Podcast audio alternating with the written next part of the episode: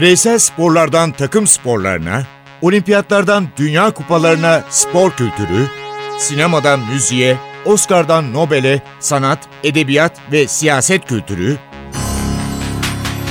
ve dünya tarihinin unutulmazlarıyla ilgili konuşulanlar, olayların perde arkası, yorumlar, sorular ve yanıtlar.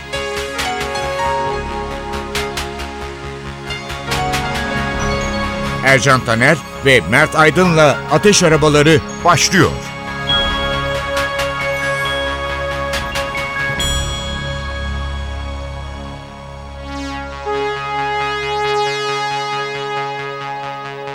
Merhaba, Ateş Arabalarına hoş geldiniz. Ben Ercan Tener. Ben Mert Aydın. Bugün bir fizikçiden, bir kuantumcudan bahsedelim dedim Mert'le.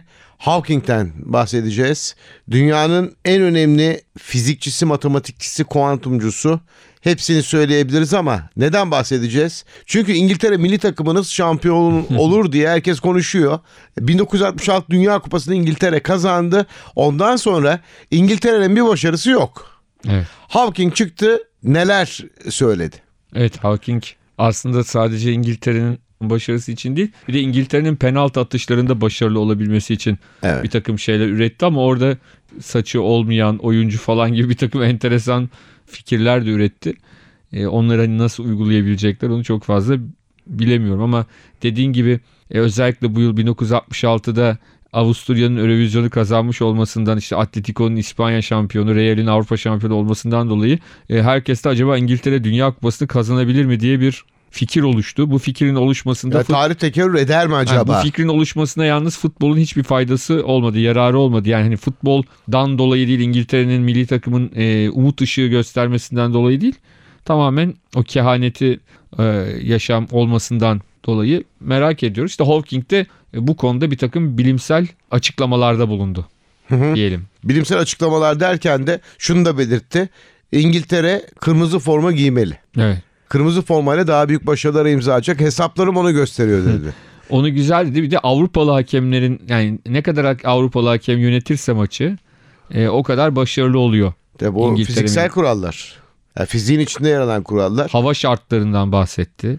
Havanın çok sıcak olması dedi. Her zaman İngiltere milli takımının başarısını engellemiştim. Bütün hesapları onun üzerine. Fakat İngiltere de Amazonlarda oynayacak. Hava sıcak olacak çünkü. Yani bir de şunu hatırlatalım. İngiltere milli takımının e, bundan önceki Brezilya'daki Dünya Kupası'nda 1950'deki macerası pek hoş sonuçlanmamıştı. Amerika Birleşik Devletleri'ne 1-0 yenilerek grupta. Birçok ajans bunu yayınlamadı. Bununla bir yanlışlık var diye. Amerika Birleşik Devletleri 1, İngiltere 0, 1950. Evet ki e, Amerikan takımı genelde amatör oyunculardan kurulan bir takımdı. İngiltere milli takımı da bazı oyuncularını önemli oyuncularını sakat olduğu için nasıl olsa bu maçı kazanırız diye dinlendiriyordu. E, ve sonucunda da Belo Horizonte mucizesi olarak adlandırılan Amerikalılar tarafından Brezilya'da Belo Horizonte kentindeki maçla 1-0 e, Amerika Birleşik Devletleri İngiltere'yi yendi. Haiti kökenli Joe Getjens'in golüyle ve daha sonra gruptan çıkamadı İngiltere ki bu İngiltere'nin ilk Dünya Kupası'na katılışıydı. Yani 30 34 ve 38'de zaten FIFA üyesi de değildi. FIFA'ya da katılmadı. Dünya Kupası'na katılmadı. Bu işi biz biliyoruz. E, gerek yok. International Board'un bütün kurallarını biz meydana getirdik. Hep böyle konuşuldu. Ama 1950'de Amerika Birleşik Devletleri'ne elendi. En büyük başarısı da 1966'da Dünya Kupası'nı alması ve bir bilim insanı Hawking İngiltere kupayı nasıl alabilir diye konuştu ama herkes merak ediyor Hawking'e ne oldu diye. Onu da konuşmamız lazım Mert bence. Şu anda tekerlek sandalyeye mahkum konuşamıyor. Halbuki çok normal bir insan. 1965 Hatta yılında normalin üzerinde bir insan normalin üzerinde Zekası hakikaten. 1965 yılında evleniyor. İki oğlu bir kızı dünyaya geliyor. Ancak o yıllarda motor nöron denilen bir hastalık var. Saptanmış bir hastalık. Yani ALS'den Şimdiki adı kaynaklı. ALS. Evet. Ki e, onu daha çok Türkiye'de biliyorsunuz e, futbolcuların eski ünlü futbolcuların işte rahmetli Sedat Balkanlı'nın e, şimdi dernek başkanı olan İsmail Gökçe'nin hastalığı olarak daha çok Türkiye'de biliyoruz. Stephen Hawking buna rağmen e, hala dünyanın en iyi fizikçilerinden, dünyanın Evet. en zeki insanlarından biri olarak adlandırılıyor. Hala kitaplar yazıyor, hala işte böyle enteresan şeylere kafa yoruyor. Şimdi Yani çok zamanları büyük bir örnek diyebiliriz aslında. benim kaynağım şu Bilim ve Teknik dergisini biliyorsun zaman Evet. zaman alıp özellikle ben okuduğum zamanlarda çok meraklıydım Bilim ve Teknik dergisini.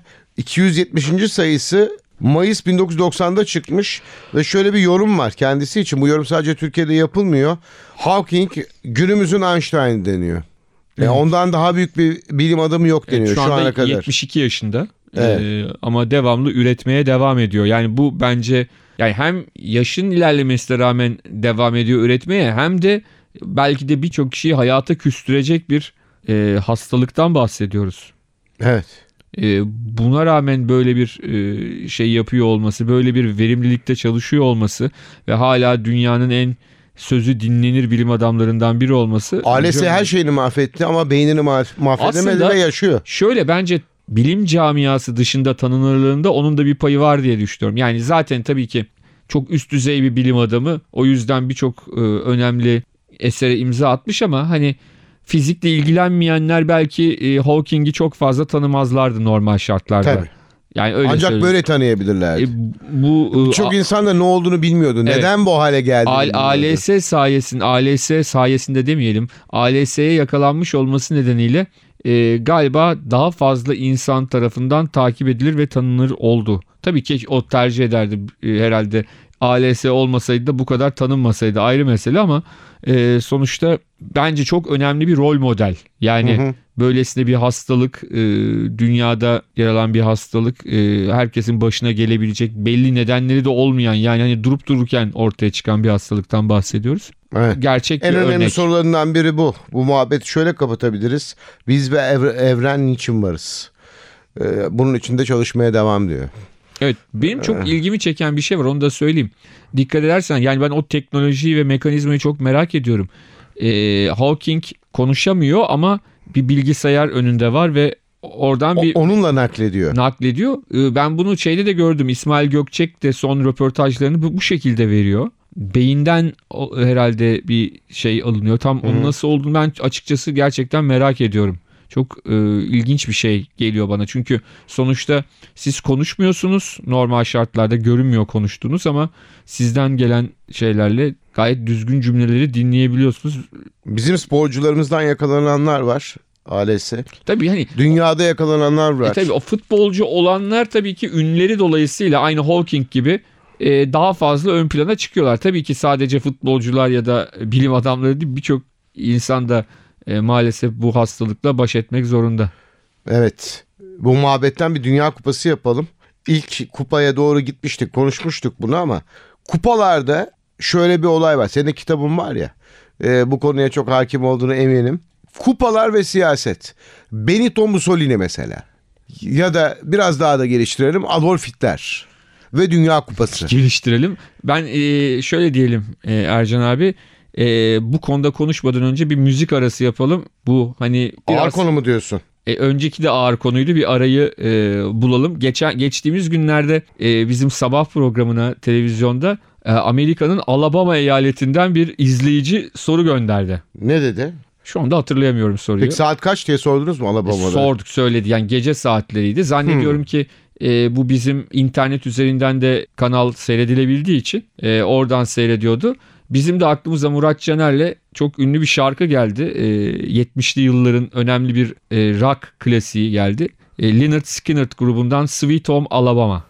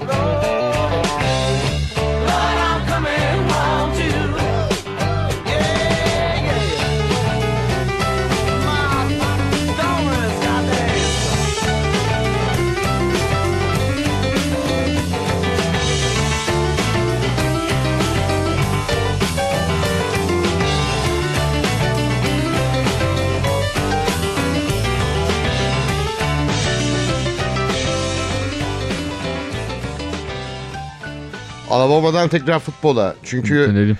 Dünya Kupası'nı bayağı konuşuyoruz. Evet. e, şimdi- Yanımda da iyi bir yazar var. Meşhur bir yazar. Nobel Edebiyat Ödüllü. Umarım tabii ki sevgili Mert Aydın. Futbol her zaman siyasiden ilgisi olmuştur ama aşırı ilgisi olanlar var.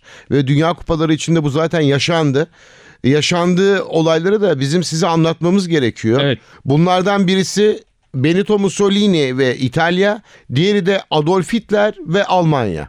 Aslında e, şunu söylemek lazım. Spor ve daha sonra hani dünyanın en popüler sporu olması itibariyle futbol çok doğal olarak politikacıların, politikanın ille e, bu işte şeyler olmasına gerek yok. Diktatörler olmasına gerek yok. Ciddi şekilde dikkat çekti hatta onlara gelmeden önce şeylere ne derler? Mussolini'ye ve Hitler'e şundan da bahsetmek lazım herhalde. 1930'daki ilk Dünya Kupası büyük ekonomik buhran sırasında yapılıyor dünya. Evet. Ve genelde Avrupa'dan az takım katılıyor. Ve katılan takımlardan bir tanesi e, Romanya. Şimdi niye Romanya? Şimdi bakıyorsun Fransa evet çünkü Jules Rimet. Yani o yüzden geliyor. Belçika işte yine FIFA'nın önemli isimlerinden biri Belçikalı ama ne alaka diyorsunuz Romanya? Nedenini söyleyeyim. O da Nereden pol- çıktı? politika ile ilgili. Romanya'nın bir kralı var. Karol, birinci Karol. O dönemlerde işte 20. yüzyıl başında biliyorsunuz kraliyet aileleri birbirinden kız alıp veriyor. O oraya gidiyor, bu buraya gidiyor. İşte imparatorluklar bölündüğü için farklı işte Avusturya Macaristan bölünüyor.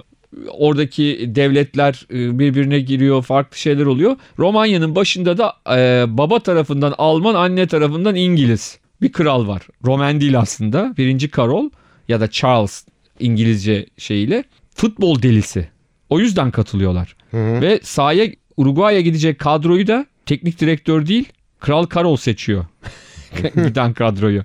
Yani aslında ilk e, belki politik olarak e, müdahale bu diyebiliriz ama senin bahsettiğin gibi 1934'te İtalya'nın Dünya Kupası'nı düzenlemesi Mussolini'nin bir gövde gösterisi haline geliyor. Meşhur Nazı Selam fotoğraf hangi Dünya Kupası? Kitabı yazdığın için soruyorum sana. Şimdi e, şöyle var hem Dünya Kupası'nda var Nazi demeyelim de faşist selamı diyelim. Evet. Çünkü hani Julius Caesar'dan o dönemlerden hail Roma İmparatorluğu'ndan kalma. kalma bir selam olduğu için sadece e, Almanlara bunu şey yapmıyorum. İtalyanlar 34 Dünya Kupası'nda bunu uyguluyorlar. Hatta İngiltere milli takımı bir hazırlık maçı için İtalya'ya gittiğinde İngiliz milli takımı da yapıyor bu şeyi. Oradaki duruma uymak adına. E, ve Mussolini ciddi şekilde bu işin peşinden koşuyor.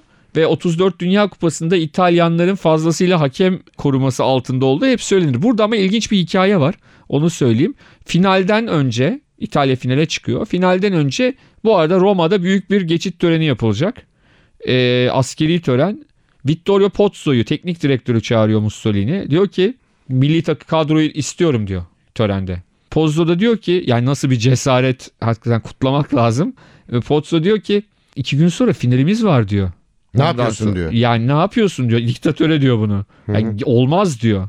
Tabii Mussolini kızarıyor, bozarıyor. En sonunda diyor ki sen bir kazanma o finali ben sana göstereceğim diyor. Kazanmakla kalmıyor Pozzo. 4 yıl sonra Fransa'daki Dünya Kupası'nda 38'de bu sefer hakem yardımı olmadan e, 34'teki gibi fazlasıyla Güney Amerikalı devşirmeler olmadan 38 Dünya Kupası'nda bir daha kazanıyor. Yani Mussolini'nin yaşadığı ve ülkeyi yönettiği dönemde peş peşe iki Dünya Kupası'nı bu adam kazandırıyor. Mussolini'ye kafa tutan adam. Doğru ama aynı yıllarda da yakın dostu Adolf var Evet. Berlin'de. Tabii şimdi orada enteresan bir nokta var.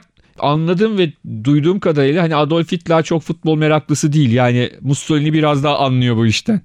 Mimariye meraklı. Speer mimarı. Evet. Yeni bir Berlin meydana getirme. Onların peşinde o Evet. sıralarda. Adolf Hitler ve Naziler değil mi? Almanya e, Avusturya'yı ilhak ediyor.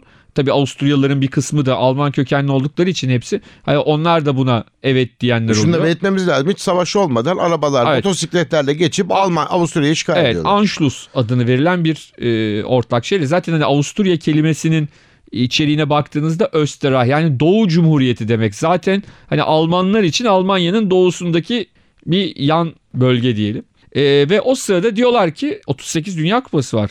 Avusturya takımı harika takım. Harika takım adı zaten. Wunder. Wunder tam. Doğru telaffuz ettin mi? olabilir mi Almanca? lazım.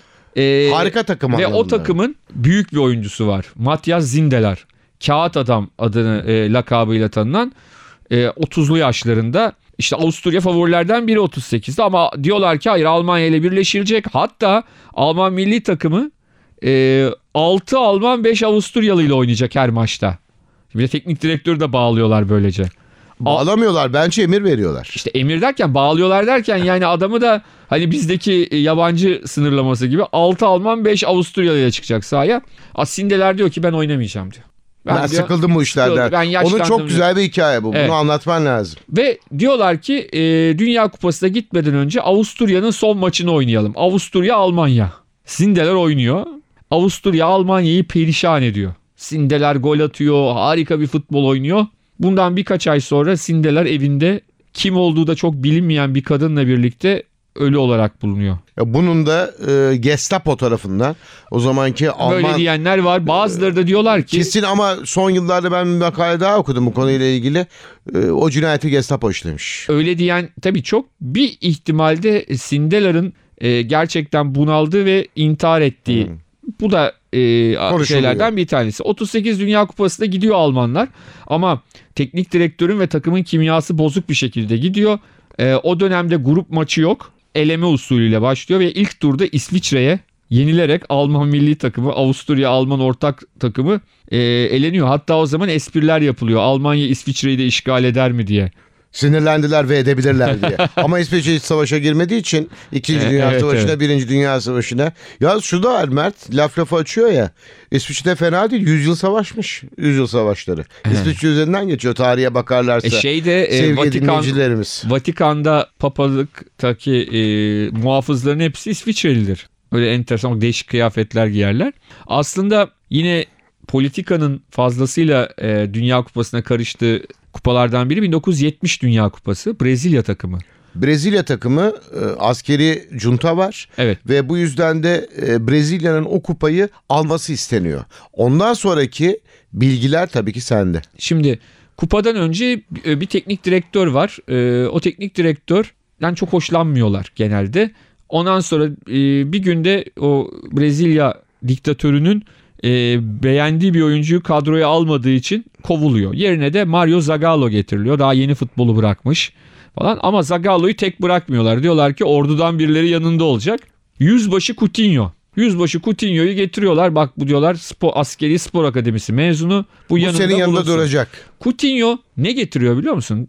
Amerikan ordusunun dünyaya tanıttığı Brezilya ordusunda da kullanılan bir e, hani askerlerin kondisyonunu ölçmek, geliştirmek için kullanılan bir testi. Şimdi hala çok adını görüyoruz. Cooper testi. Dünya üzerinde Bunu getiren Coutinho. Evet yüzbaşı Coutinho. Ee, o kupayı Brezilya kazanıyor. Aradan 8 yıl geçiyor. Coutinho bu kez teknik direktör olarak artık junta munta yok. Teknik direktör olarak Brezilya'yı 78 Dünya Kupası'na götürüyor. Ee, o malum Arjantin ondan da konuşuruz yine siyaset. Eleniyor Brezilya. Yani finale kalamıyor Brezilya. Sonra Coutinho e, o kupadan 2-3 yıl sonra bir kazayla kendini vurarak öldürüyor. Yani bir av kazası gibi bir şey Hı hı. zannediyorum. ki. Acaba mı? Bilemiyorum şimdi e, şöyle acaba mı futbolla ilgisi olduğunu zannetmiyorum ama o junta dönemiyle ilgili başka bir hesaplaşma olabileceğinden şüphe ediliyor. Şüpheli bir Ya şimdi futbol günlük hayatın stresinden, endişelerinden uzaklaşmak değil. Kafa dağıtmak değil. Futbol bir hayat. Futbolun içinde her şey var. Bu yüzden de 1978 Dünya Kupası'nda e, madem bugün konumuzu açtık futbol, politika ve siyaset onları konuşuyoruz. Ama daha önce de dün Mert'le konuştum. Çok iyi şarkılar var ve onların da ufak da olsa bazı hikayeleri var. Onlardan biri var şimdi sırada. Hangisi? Evet şimdi Billy Joel var. Billy Joel e, 60'lı yılların sonundan itibaren piyanosuyla, güzel şarkılarıyla hep liste başı kalmış. İşte ünlü model Christy Brinkley ile evliliğiyle yine ortalığı e, dağıtmış. Çok yakışıklı olmamasına rağmen dünyanın en güzel kadınlarından biriyle uzun süre evli kalmak e, kalarak bayağı bir e, kıskanç erkeklerin Ortalığı diyelim, dağıtmış derken millet üzülmüş. Onu İyi demek anlamda. istiyorsun herhalde. Tabii, tabii. İyi anlamda. Yani her gün evi falan dağıtmamış Yok herhalde. zannetmiyorum. Billy Joel aynı zamanda böyle tarihle ilgili şarkıları falan da vardır. Ee, 50'li 60'lı yılları çocukluğunun geçtiği dönemleri anlatan ama bu kez onlardan biri değil yine de 90'lı yıllarda ciddi anlamda popüler olmuş şarkılarından bir tanesi River of Dreams. fade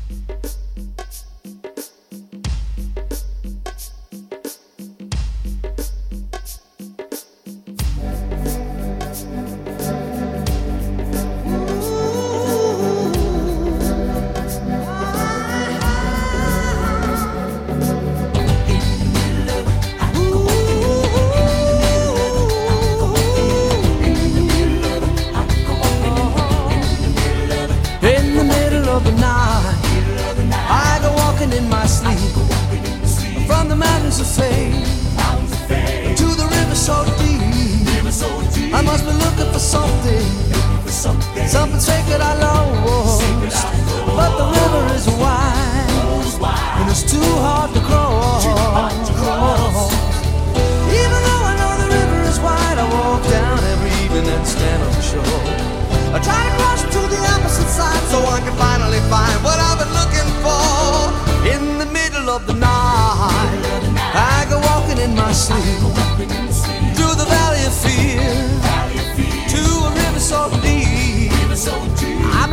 something, taken out of my soul, something I'd never lose, something somebody stole.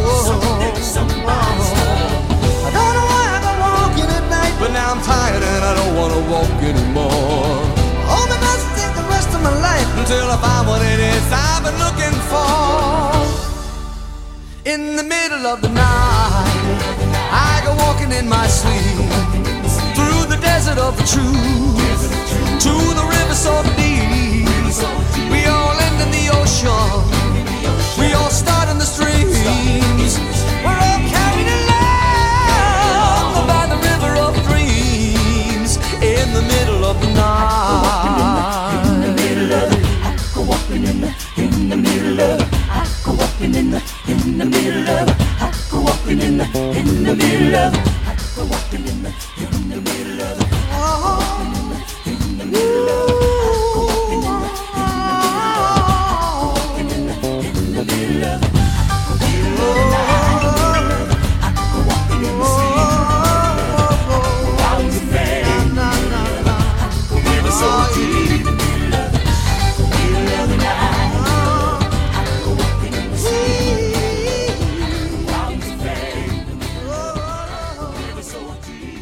1978 Arjantin'deyiz.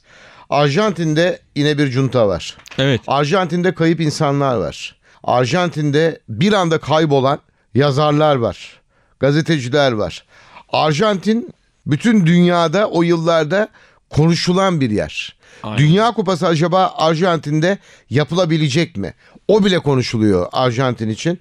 Ama karar veriliyor ve takımın başında bir fenomen var. Benim fenomenim. Cesar Luis Luis Cesar Menotti. Menotti. Enteresan bir adam. Diego Armando Maradona kadroda yok. Ve 24 Mart gecesi olay saat 1'de General Rogelio Villarreal Arjantin'de biz artık hükümetiz diyor. Ondan sonra ama neler var? Bir başka cuntayı devirerek öyle söyleyeyim. Evet. Junta cuntayı deviriyor devamlı olarak. Tabii canım o zaman Yani demokrasi demok- falan yok. Demokrasiyi bitirmiyor öyle söyleyelim. Ee, 78 Dünya Kup- Tabii Menotti'nin özelliği şu. iki yönüyle de e, aslında junta tarafından oraya atanmış olması şaşkınlık verici. Bir tanesi e, sol görüşlü olması. İkincisi de yine muhafazakar e, faşist junta'nın çok hoşuna gitmeyecek şekilde gece hayatına çok fazla düşkün olması. Bununla ilgili de küçük bir anekdot anlatayım. Hı hı. O, yıllar sonra Barcelona'nın başına geçiyor Menotti. Ayrılırken görevi Terry Venables'a bırakıyor İngiliz. Venables geliyor Menotti'nin yanına ki hani bir rapor alacak. Nasıl takım işte şu, şu bölümü eksik falan. Menotti ona e, takımla ilgili rapor yerine Barcelona kentindeki gece kulüplerinin adreslerini veriyor. Hı hı. Böyle bir adam Menotti. Enteresan bir kadro kuruyor. River Plate ve Boca Juniors'tan toplam sadece 5 oyuncu alıyor. 22 kişilik kadronun kalanı hani bizim Anadolu kulüpleri dediğimiz takımları dediğimiz tak- e, takımlardan. Çünkü o iki büyük kulübün Dedim ya Maradona yok. Maradona Federasyonla yok. ilgili sorunu var. Maradona ile ilgili olay şu. Maradona o sırada 17 yaşında. Maradona Ezilir mi sence? Ezilir miydi? Ee, Çünkü sek- Pele 1958 Dünya Ama Kupası'nda se- Brezilya'nın formasını giydi. ama 82'de de biraz ezildi gibi ya. Yani Gentile kaldıramayabilirdi. Çünkü şöyle- Gentile Evet. bitirdi Maradona'yı. Evet. Şöyle söylemek lazım. Menotti ile Maradona'nın arası hiçbir zaman bozuk değil. Zaten Menotti daha sonra 82'de onunla çalıştı. Daha sonra Barcelona ile beraber çalıştılar. Yani o onu çok iyi tanıyor. Anladığım kadarıyla onu korumak adına o kupada oynatmadı.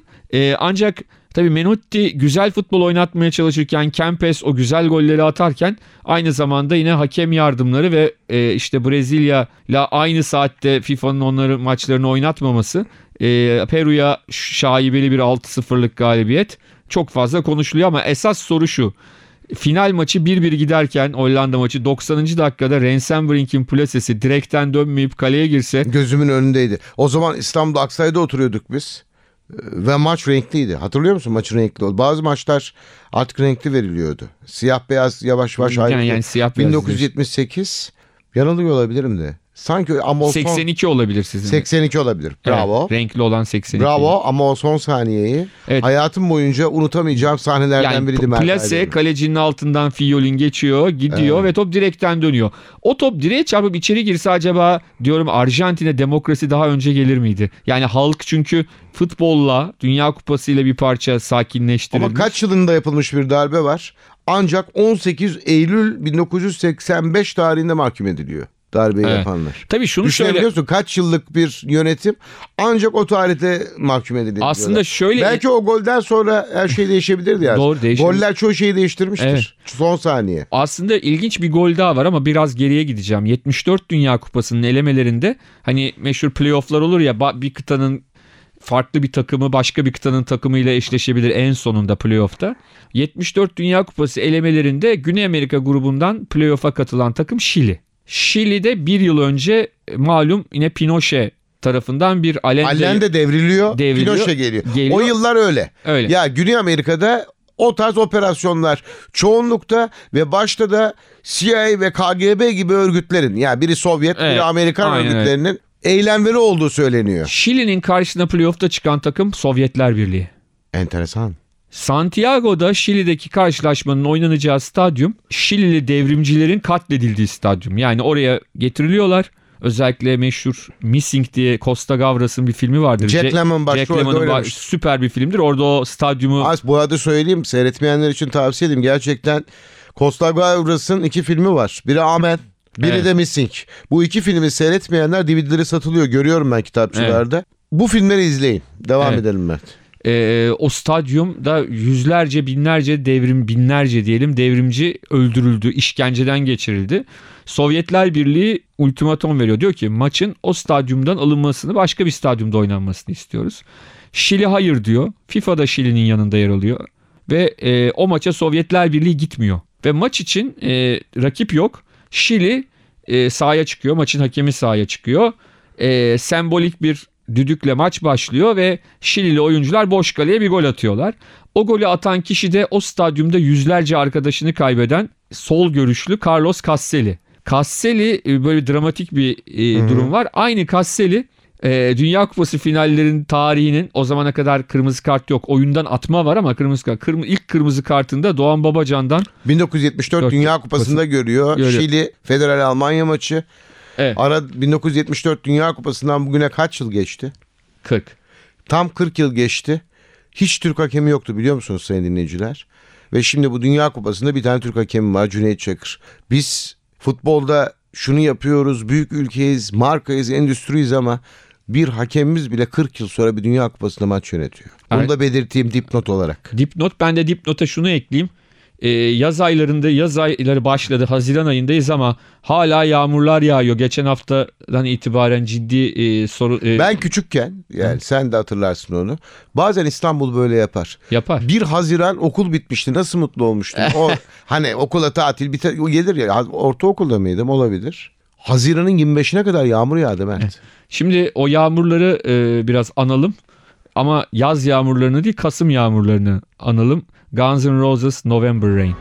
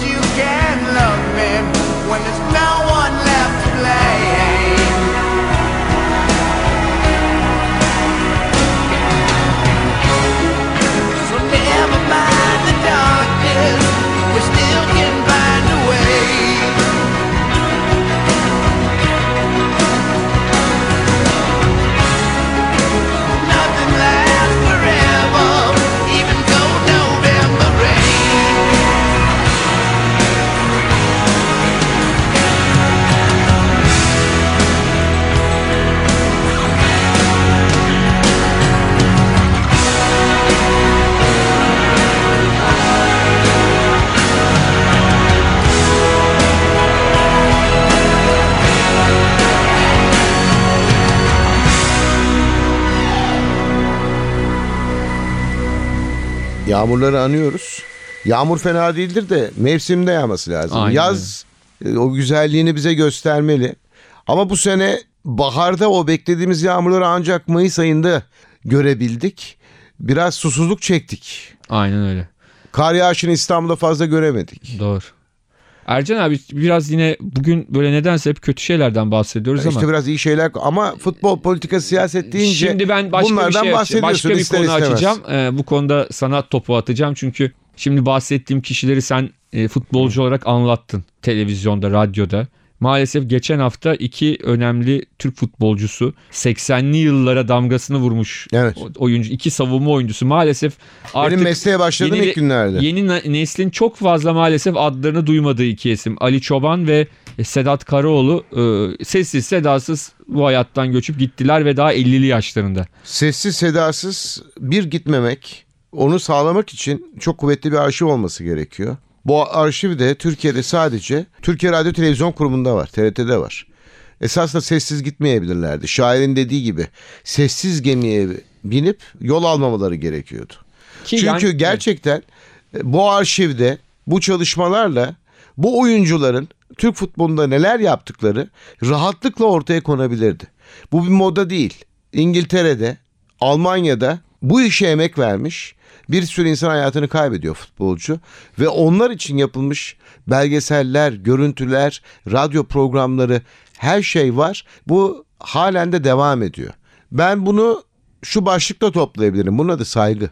Yani evet e, şimdi düşünelim Ali Çoban günümüzde futbol oynuyor olsaydı hem Galatasaray hem Beşiktaş'ta oynamış bir oyuncu olarak yine o dönemin flash takımlarından Sarıyer'de oynamış bir oyuncu olarak e, neden şimdi oynasaydı diyorum çünkü o dönemde az milli maç yapılıyordu maalesef bir sezonda Az Avrupa Kupası yapılıyor. E, Çünkü birinci turda Türk takımları eğlenip meşhur bir laf vardı o dönemde. Edirne'den öte tarafa geçtiğiniz zaman eğleniyorsunuz. Milli takımlarımız sezonda 2 ya da 3 maç yapıyorlardı. O yüzden mesela Ali Çoban'ın sadece 8 A milli maçı var. Ama şimdi olsa muhtemelen 35-40 maç, 50 maç belki oynamış bir oyuncu olabilirdi. Ee, düşünün hem Galatasaray hem Beşiktaş forması giymiş. Çok önemli ligin hani en sert oyuncularından. Bahsettiğimiz insanlar kendilerine iyi bakan. Özellikle Sedat Fenerbahçe'de 10 yıl forma giydi. Maçlarını anlattık. Fiziği çok iyi, kendine çok iyi bakan.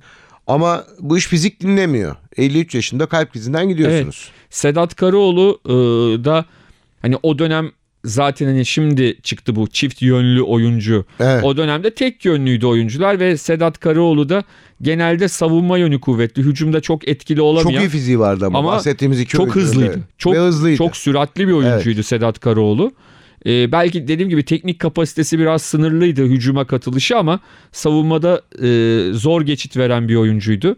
E, 10 yıl Fenerbahçe'de yer aldı. E, zaman zaman yedek kaldı, az oynadı, kiralık verildi ama hep o kadronun içinde e, yer alan oyunculardan ve Ali Çoban olsun, e, Sedat Karaoğlu olsun hiçbir zaman çok ters olaylarla, çok kötü olaylarla anılmış oyuncular hiçbir zaman olmadılar. Bunun altını çizmek gerekiyor. Birçok oyuncu o yıllarda kötü olaylarla anılmadılar.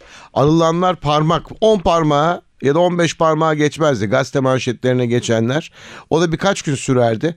Belki de normal karşılanabilirdi. Fakat e, Mert'in bahsettiği bu iki beyefendi e, şu anda olsalardı herkes onları konuşuyor olabilirdi. İşte oyuncumuz yok, oyuncu yetiştiremiyoruz. Onlar işte öyle oyunculardı.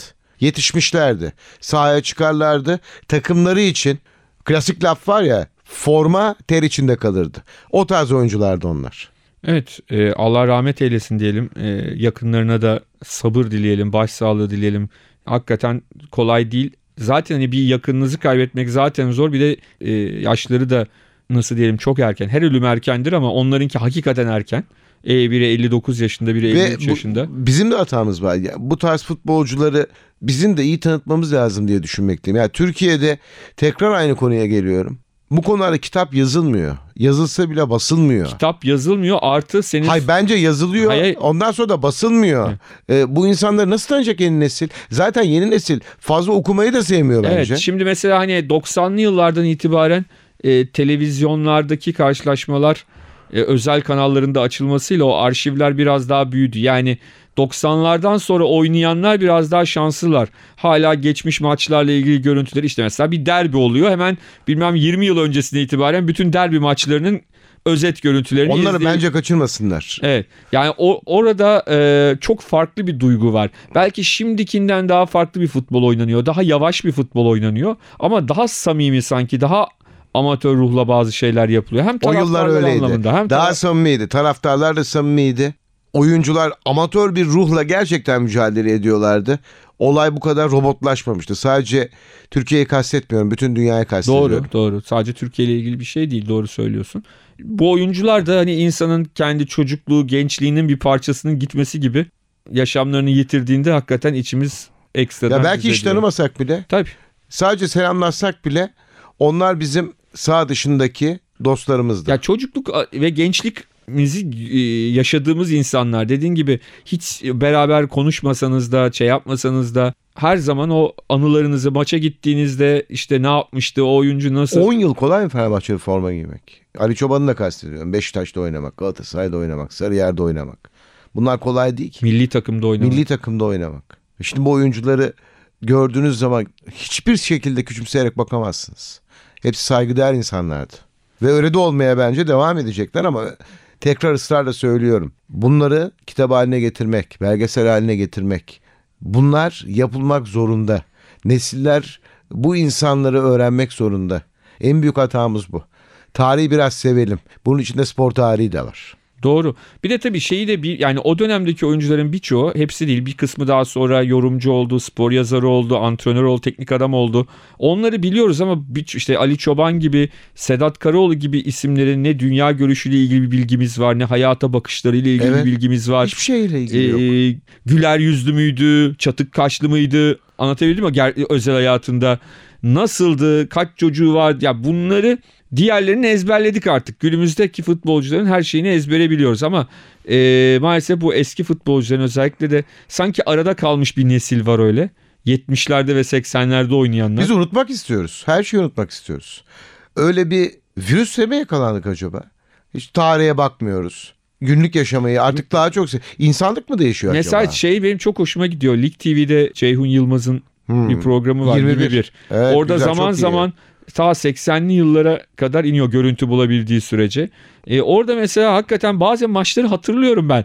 Ya ben bu maçta işte lisedeydim, ortaokuldaydım Benim ertesi gün matematik sınavım vardı diyorsun mesela. gibi yani. Senin öyle meşhur huyların da var. Evet çünkü. evet bazen oluyor. Her maç için diyemem ama. Şimdi mesela kaç kişi Kayhan Kaynağı hatırlar? Rahmetli. Yine abisi Reşit Kaynak o da Beşiktaş'ın çok çok önemli bir Çok oyuncusu. az kişi hatırlayabilir. bu, bu, bu, bu kişiler maalesef çok genç yaşta ki e, hani Reşit Kaynak futbolu bıraktıktan sonra vefat etti. Kayhan Kaynak futbolcuydu. Futbolun son dönemindeydi. E, antrenmanda yaşamını yitirdi. Kaç kişi ki ikisi de çok milli düzeyde üst düzey oyunculardı. Biri Beşiktaş'ta biri Fenerbahçe'de e, forma giymişlerdi. E, kaç kişi hatırlıyor bu oyuncuları? Bu Hiç. futbolcuları. Hiç hatırlatmıyorlar ki. İşte biz konuşuyoruz. Hatırlatmıyorlar. Yani çok e, Ben çok üzünlendim. Onu söyleyeyim. Futbolu, siyaseti, yani politikayı neredeyse sonunda. unutulmayacak e, Türkiye'de oyuncuları biraz konuşalım dedik ama ağlayacağız dedik de şu parantezi aç. Hayatın gerçeklerini bazen konuşmak lazım. Doğru yüzde yüz. Yüzde yüz. Biz de bugün hayatın gerçeklerini konuştuk. Hayat devam ediyor. Aynen öyle. Beatles için devam ettirelim hayatı. Çok sevdiğim bir şarkı var sırada Yesterday. Ben Ercan Taner. Ben Mert Aydın. Hoşçakalınız. Hoşçakalın. yesterday. All my troubles seem so far away. Now it looks as though they're here to stay. Oh, I believe in yesterday. Suddenly, I'm not half the man I used to be. There's a shadow hanging over me. Oh, and yesterday came.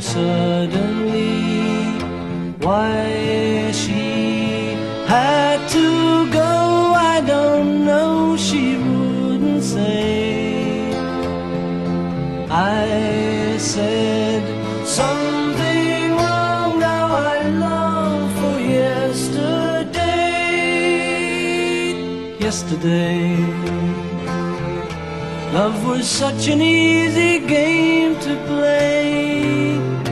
I need a place to hide away. Oh, I believe in yesterday.